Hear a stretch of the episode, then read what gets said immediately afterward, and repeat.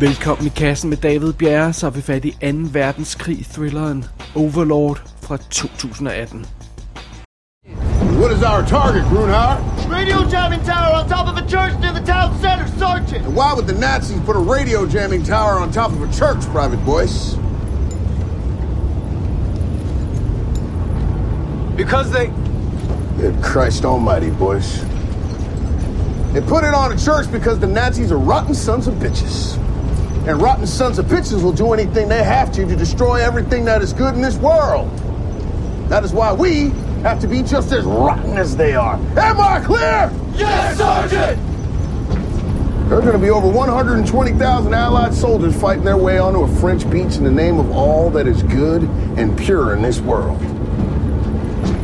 Those men are going to need air support.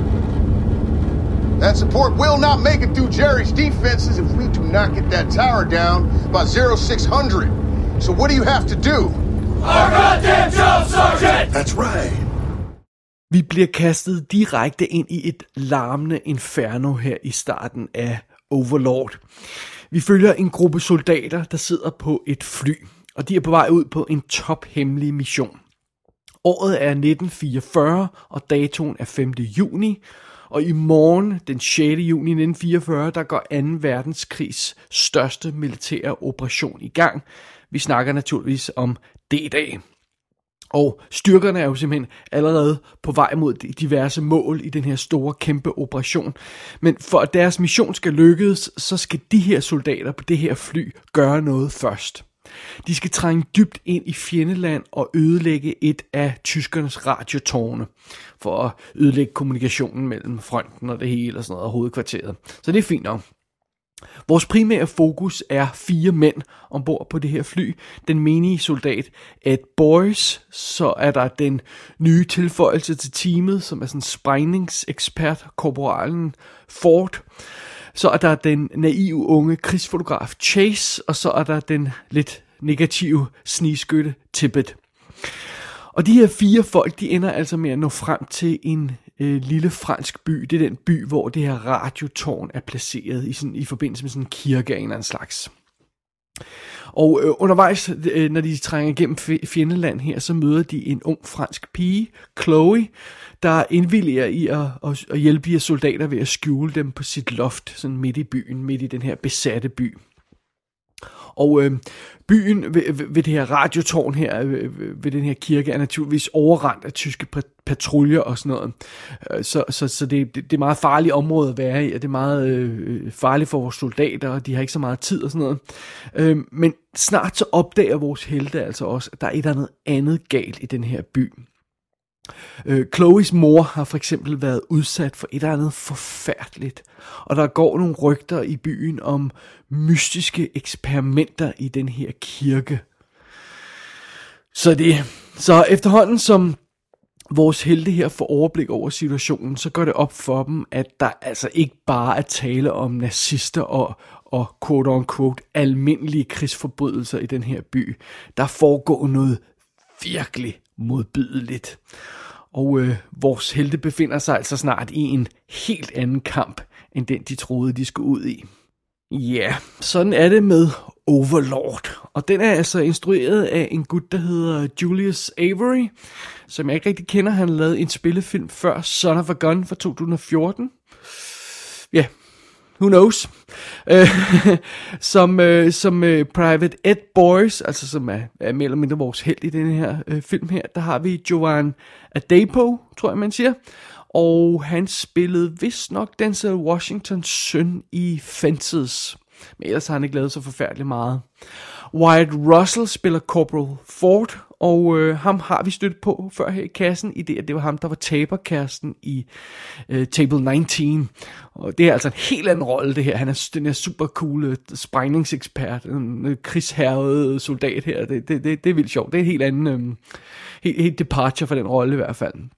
Han har også været med i 22 Jump Street, men jeg må indrømme, ellers kender jeg ikke ham White Russell særlig godt. Uh, Mathilde Olivier spiller Chloe, og hun har altså ikke lavet så forfærdeligt meget, man, man, man kender til før. Men ham, der spiller øh, Øh, SS-soldaten eller og kommandøren der, øh, Waffner, i den her lille by. Ham kender vi godt, for det er nemlig Pilo Asbæk. det er altså meget sjovt at se ham i den. Han har jo lavet adskillige internationale ting. Han, han er nok bedst i, i Ghost in Shell, og han dukker også op i Game of Thrones, og Ben Hur og Lucy og alt muligt andet halløj, som vi jo sidst nævnte også har anmeldt her i kassen.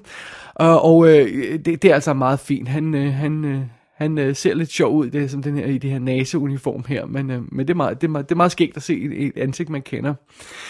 Et andet ansigt, som vi også godt kender, er øh, Joe Magaro, som sp- øh, undskyld, John Magaro, som spiller Tippet, den her snipersoldat. Ham har vi set i både War Machine og The Big Short og Carol, som vi alle sammen har anmeldt her i kassen. Øhm, Ian de Kestekker, tror jeg han hedder, spiller Chase, som er den her fotograf, og ham kender man måske fra Agents of S.H.I.E.L.D., men øh, ellers er der ikke så forfærdeligt mange andre kendte ansigter her på rollelisten i Overlord. What is this shit? Expressionist. What is that German? I don't understand German. Do you understand German? I don't speak German. I'm simply an officer of the Fuhrer. I know nothing of what the doctor does. Oh, you don't. No. Well, I don't think that the uh, private here. I don't think he believes you. I saw your men and the doctor burn those people. This is war, yeah? People die in many unfortunate ways. I'm sure your corporal has killed many people.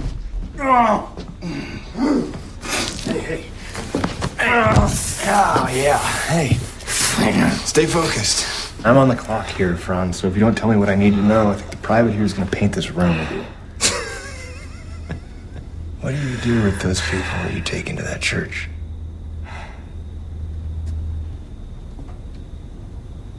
They have been given a purpose. En livsfarlig mission bag fjendens linjer, modbydelige nazi-eksperimenter og en desperat kamp mod uret. Jamen altså, check, check og check. Jeg er totalt på med det setup der. Det må jeg nok indrømme. Overlord slår en fantastisk tone an fra start og lægger op til et fantastisk eventyr. Allerede før filmen går i gang, så får vi sådan et dragende lydtæppe sådan under company credits der i starten med sådan dramatisk mu- musik og radiostøj og diverse lydoptagelser. Det giver sådan en god stemning. Øhm, og så er det, vi ser den her kæmpe flåde af skibe, der er på vej mod Tyskland, og øh, øh, øh havet er, er dækket af de her, de her øh, fartøjer her, og oppe i luften er der tæt af fly, og så er det så, at vi, vi, vi går ind i et af flyene og møder vores helte her. Og vi får nærmest dårligt sat ansigt på dem, og, og navn på dem og sådan noget, før helvede bryder løs, og de her antiluftskyts eksploderer overalt, og øh, omkring dem så bliver øh, fly forvandlet til ildkugler på få sekunder og sådan noget, og øh, skud fra jorden, øh, fra, fra, fra guns på jorden, øh, bliver flår hele undersiden op af de her, de her papirtynde fly og sådan noget. Det, det er virkelig dramatisk. Det er næsten sådan Saving Private Ryan lignende stof. Øh, det ser super fedt ud, og det er super super fedt lavet, og det er så dramatisk start på den her film. Øh, og så byder filmen altså også på den mest dramatiske faldskærmsudspringningssekvens i mands minde i hvert fald. Så det, det er et helt vildt godt anslag, som den her film som Overlord har. Desværre så kan filmen ikke helt leve op til den der dramatiske start. Det kan den altså ikke. Efter øh, flyveturen der og faldskærmsudspringning og alt det her løjse, så øh, møder den her gruppe overlevende soldater, som jo skal på den her mission, de møder den her øh, unge franske pige Chloe, og de får lov til at bruge hendes hus som sådan base camp nærmest for deres, øh, for deres øh, sabotage-mission der. Og allerede det er en lille smule af ja, det er en lidt, det er en lidt smutter, synes jeg. Det er en lidt fejl, fordi så går filmen i stå. Vi får sådan et safe haven midt i den her by, der er overløbet af nazister og soldater og sådan noget. Om det har den her Øh, øh, farlig mission, men pludselig får vi sådan et, øh, altså, vi får et pusterum, øh, og, og, det, og det er ikke optimalt midt i sådan en historie på det her tidspunkt. Okay, vi er stadigvæk bag fjendens linjer, og det er stadigvæk dramatisk og sådan noget, men immer væk, så er det som om filmen går sådan et gear ned, når vi ligesom finder det her safe house, og vi, vi, vi er nok sikret her på det her loft et stykke tid endnu. Og det er som om, at ja, filmen går et gear ned, og den kommer aldrig op i gear igen. Øh, øh, sådan måske, kan man sige, finalen er, er lidt mere drive på, men der, der er ikke rigtig noget, der kan matche den start på filmen, og, og, og det er altså lidt, øh, det er sgu lidt synd, synes jeg. Og så tror jeg også, at øh, det, et af Overlords problemer er, at øh, selve missionen er lidt tjusket defineret. Altså, de skal ødelægge et radiotårn, og det er fint nok, og det er jo nemt at forstå og sådan noget. Men det er ligesom om alt andet ved, ved, øh, end, end lige det mål er sådan lidt for løst defineret. Vi starter jo filmen med, at øh, stort set øh, hovedparten af de her soldater, der skal ud på den her mission, bliver, bliver slået ihjel og dør i det her ud, faldskærmsudspring i starten og sådan noget.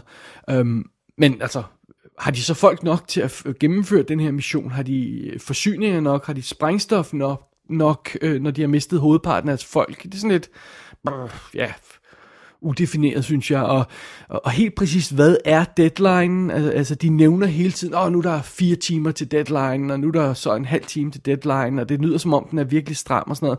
Men resten af tiden, når ikke lige de kigger på uret, så øh, synes øh, de her soldater ikke at have øh, forfærdeligt travlt med at nå noget som helst, og, og så ligesom om det der deadline bliver glemt lidt. Og helt præcist, hvad er planen for at trænge ind i den her stærkt bevogtede øh, kirke og, og, og med det her radiotårn og sådan noget. Hvordan kommer de ind i området og sådan noget. Det, øhm, altså det er jo ikke fordi, der er sådan, som, som sådan er tvivl om selve hovedmissionen, og, det, og, og, og, og det, det er også tydeligt, hvad forhindringerne er. Vi er i Finland, der er tyskere overalt og sådan noget. Men der mangler lidt en eller anden form for præcision. Og det, jeg savner lidt den der præcision, man, man, man møder i sådan klassiske gamle krigsfilm, sådan Where Eagles Dare og Guns of Navarone og sådan noget. Jeg, jeg savner en eller anden lidt mere tydelig og klart defineret plan. Det virker sådan lidt, eh, det går nok. Og det er jo også meget mere dramatisk, når planen går galt, hvis vi kender rammerne for, for den her plan fra start. Og det er ligesom om, det ikke sådan er, er ordentligt defineret her i filmen. Og måske er det, fordi Overlord i virkeligheden bare helst vil hen til det, der ligesom er pointen. De her vemmelige eksperimenter, der foregår i, i, i de her, de her nazi-eksperimenter, der foregår i den her kirke. Og, øhm, og det, er også, det er også nogle ret modbydelige ting, der, der, der foregår der. Men, men igen synes jeg, at, at filmen her, at Overlord skuffer en lille smule. Fordi hvis vi snakker sådan om body horror og modbydelighed og alt sådan noget der, jamen så er The Thing for eksempel jo toppen af poppen. Altså, hvis man ikke engang prøver at konkurrere med, med klamme, de klamme ting i The Thing, så behøver man jo ikke at stå ud af sengen den morgen, fordi det, så er der ingen grund til det.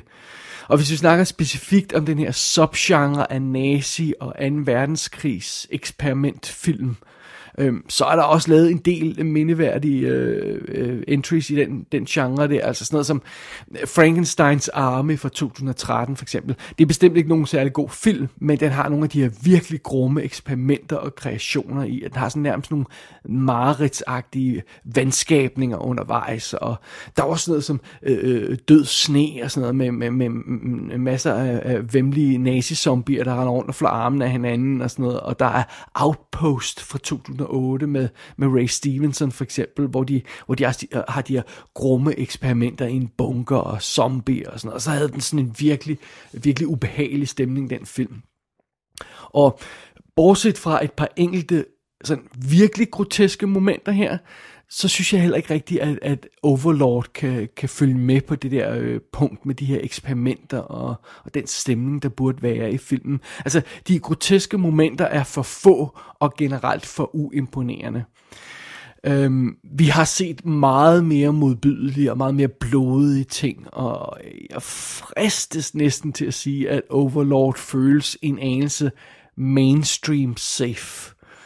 Øhm, Øh, og stemningen er der, der skal understøtte det her, altså gyset, og det der skal få til en til at løbe, øh, det, til at løbe koldt ned ad ryggen på en, og alt det her løjse. Jeg synes ikke rigtig film for det med heller. Det, det, det er igen en lille smule tjusket. Af og til, så har den fat i noget af det rigtige, men, men øhm, ofte er der altså lidt for meget ligegyldigt løben rundt i nogle grotter, og så, og så ting, der bare siger, ja, det har vi sådan set set før. Øhm, og jeg synes også, det er meget sigende, at når filmen skal, skal have sin historie til at kulminere, så kan den ikke rigtig finde, finde på andet end nævekampe. Øhm, og, og vi ender altså ikke bare med en, men med adskillige nævekampe og det er jo, som vi har tidligere etableret, altså det, det er lidt topmålet af uopfindsomhed, når man, når man ender der. Det er meget få film, der kan få det til at virke. Lethal Weapon er, er en af under, øh, undtagelserne og sådan noget, men, men ellers når man slutter en nævekamp, så har man næsten givet op, synes jeg. Så det. Og jeg synes, altså, øh, Overlord starter virkelig stærkt og råt, og så går den en lille smule i stå, og så bliver den lidt for vanilje. Øhm, det, det, det er stadig en meget cool film, og den, den er absolut ikke spild af tid, men, øh, men jeg må også erkende, at selve den tur, som historien ender med at tage, den, den, den skuffede altså en lille smule. At der er for meget uudnyttet materiale i det, og potentiale i den her historie. Øh, øh den, den er bare ikke op at ringe, det er den altså ikke. Jeg vil sige sådan, det bedste ved Overlord er næsten, at jeg får helt vildt lyst til at gense Where Eagles Dare.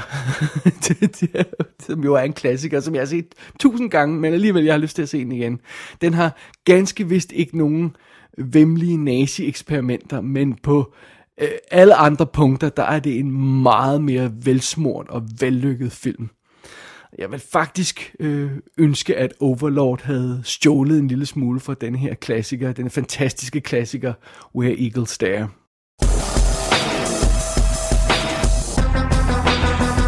Overlord er ude på amerikansk DVD, Blu-ray og 4K skive. Der er en lille håndfuld featuretter på, og filmen er naturligvis også på vej i Europa. Gå ind på ikassenshow.dk for at se billeder for filmen. Der kan du også abonnere på dette show, og du kan sende besked til undertegnet du har lyttet til i kassen med David Bjerg.